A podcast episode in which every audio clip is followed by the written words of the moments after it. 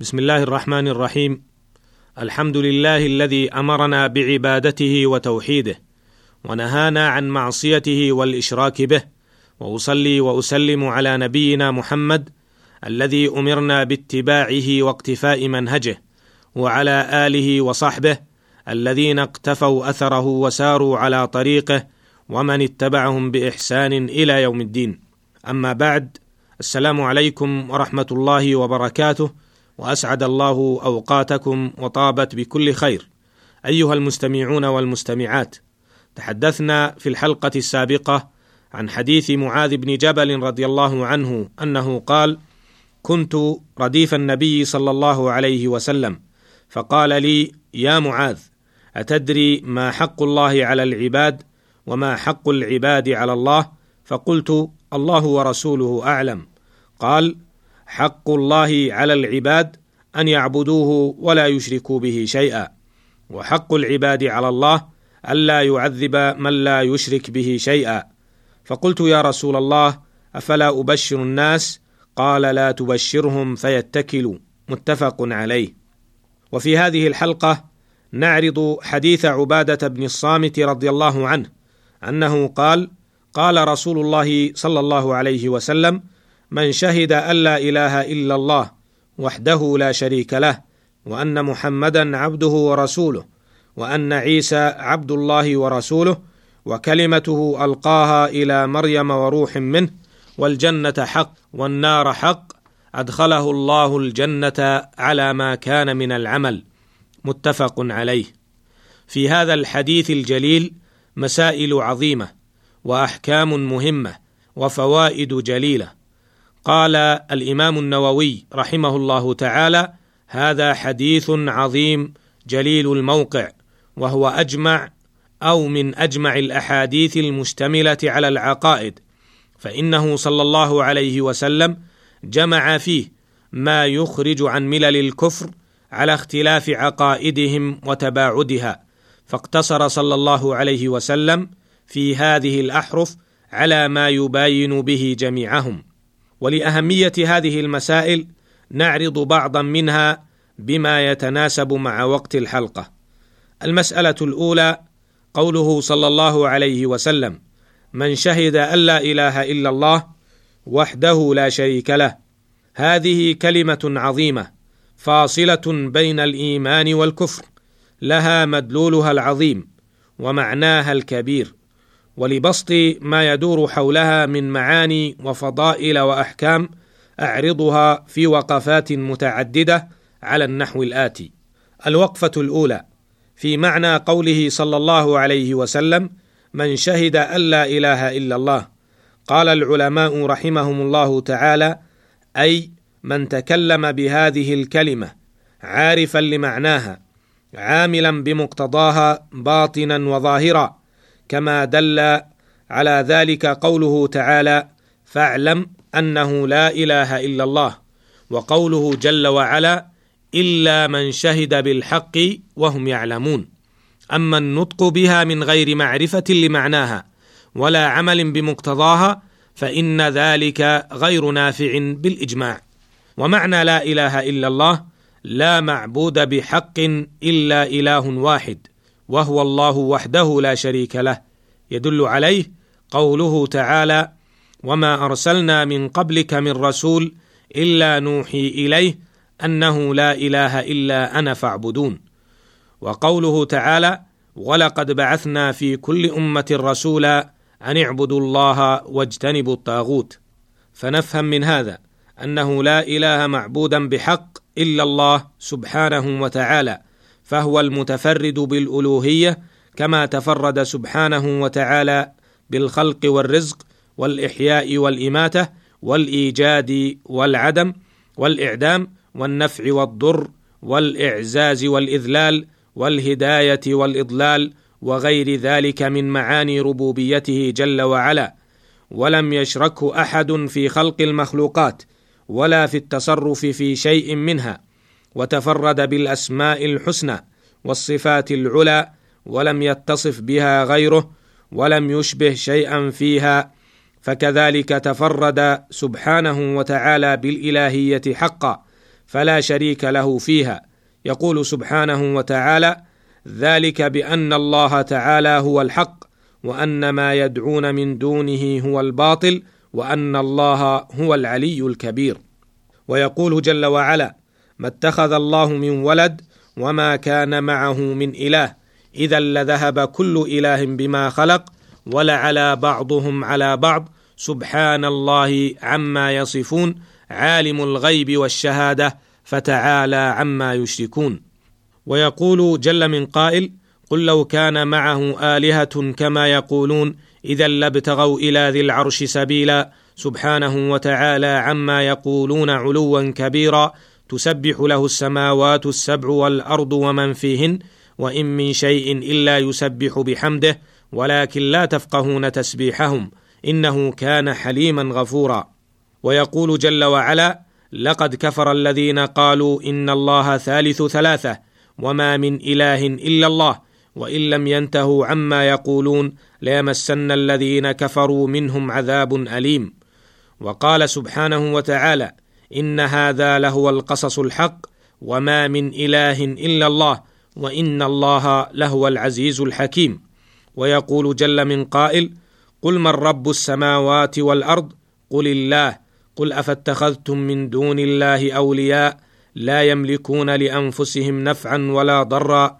قل هل يستوي الأعمى والبصير؟ أم هل تستوي الظلمات والنور؟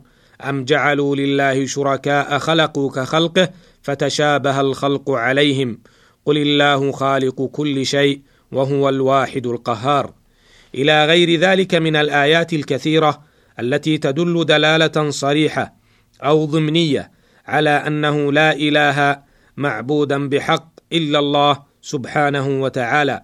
فكما تفرد سبحانه بالربوبية والخلق والرزق وغيرها وكما تفرد سبحانه بأسمائه الحسنى وصفاته العلى تفرد جل وعلا بالعبودية فلا يجوز بأي حال عبادة أحد سواه.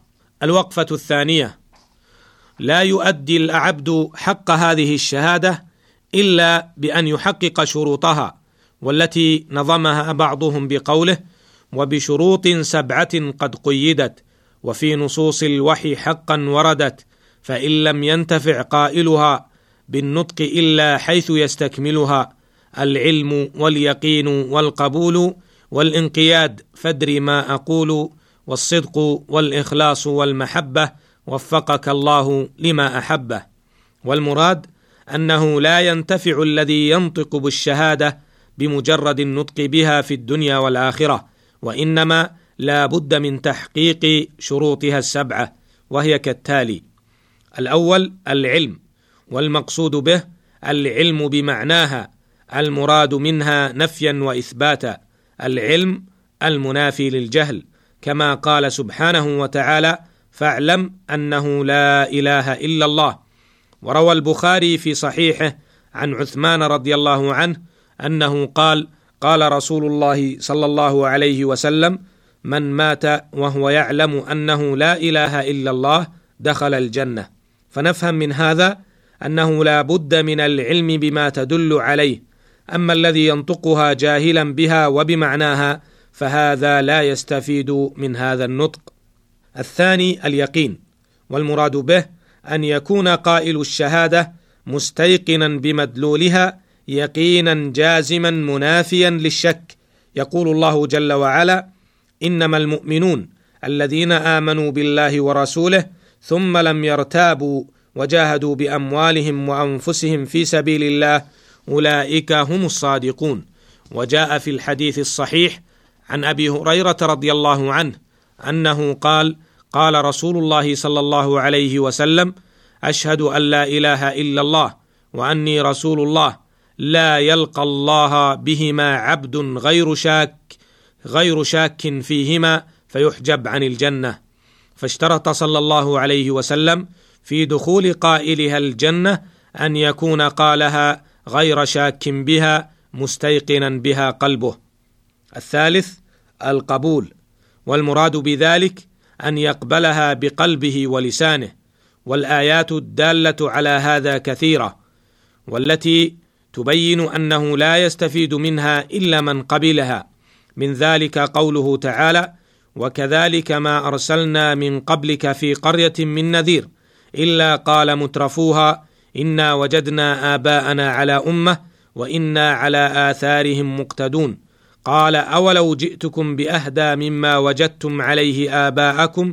قالوا إنا بما أرسلتم به كافرون فانتقمنا منهم فانظر كيف كان عاقبة المكذبين. الرابع الانقياد لما دلت عليه. يقول جل وعلا ومن أحسن دينا ممن أسلم وجهه لله وهو محسن. وقال سبحانه وتعالى ومن يسلم وجهه إلى الله وهو محسن فقد استمسك بالعروة الوثقى ومعنى يسلم وجهه أي ينقاد وهو محسن موحد ومن لم يسلم وجهه لله فإنه لم يستمسك بالعروة الوثقى. وفي الحديث الصحيح لا يؤمن أحدكم حتى يكون هواه تبعا لما جئت به. وهذا هو تمام الانقياد. الخامس الصدق المنافي للكذب. وذلك بأن يقولها صادقا من قلبه يواطئ قلبه لسانه. يقول الله تعالى في ذلك ألف لام ميم أحسب الناس أن يتركوا أن يقولوا آمنا وهم لا يفتنون. ولقد فتنا الذين من قبلهم فليعلمن الله الذين صدقوا وليعلمن الكاذبين. ويقول جل وعلا في شأن المنافقين ومن الناس من يقول آمنا بالله وباليوم الآخر وما هم بمؤمنين. يخادعون الله والذين آمنوا وما يخدعون إلا أنفسهم وما يشعرون. في قلوبهم مرض فزادهم الله مرضا ولهم عذاب أليم بما كانوا يكذبون. وجاء في الحديث الصحيح حديث معاذ بن جبل رضي الله عنه عن النبي صلى الله عليه وسلم أنه قال ما من أحد يشهد أن لا إله إلا الله وأن محمدا عبده ورسوله صدقا من قلبه إلا حرمه الله على النار فاشترط في إنجاء من قال هذه الكلمة من النار أن يقولها صدقا من قلبه فلا ينفعه مجرد التلفظ بدون مواطأة القلب. السادس الإخلاص وهو تصفية العمل الصالح وهو تصفية العمل بصالح النية عن جميع شوائب الشرك.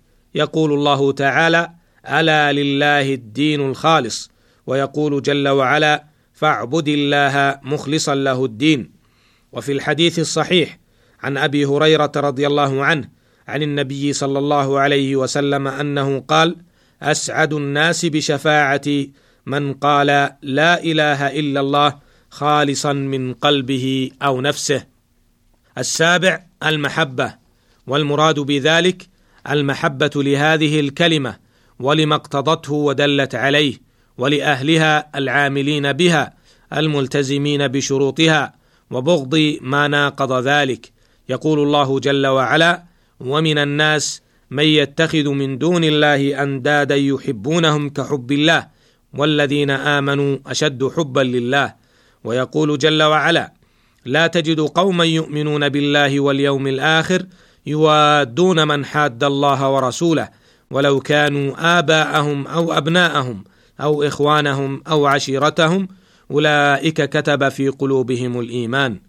وجاء في الحديث الصحيح عن أنس رضي الله عنه أنه قال قال رسول الله صلى الله عليه وسلم ثلاث من كن فيه وجد حلاوة الإيمان أن يكون الله ورسوله أحب إليه مما سواهما وأن يحب المرء لا يحبه إلا لله وأن يكره أن يعود في الكفر بعد إذ أنقذه الله منه كما يكره أن يقذف في النار. أيها المستمعون والمستمعات احرصوا وفقكم الله على تحقيق هذه الشروط لتقوموا بحق هذه الشهادة العظيمة حق القيام. ولتفوزوا بما أعده الله لأهلها. أسأل الله تعالى أن يجعلنا منهم. إنه سميع مجيب وهو المستعان. وللحديث بقية. والسلام عليكم ورحمة الله وبركاته.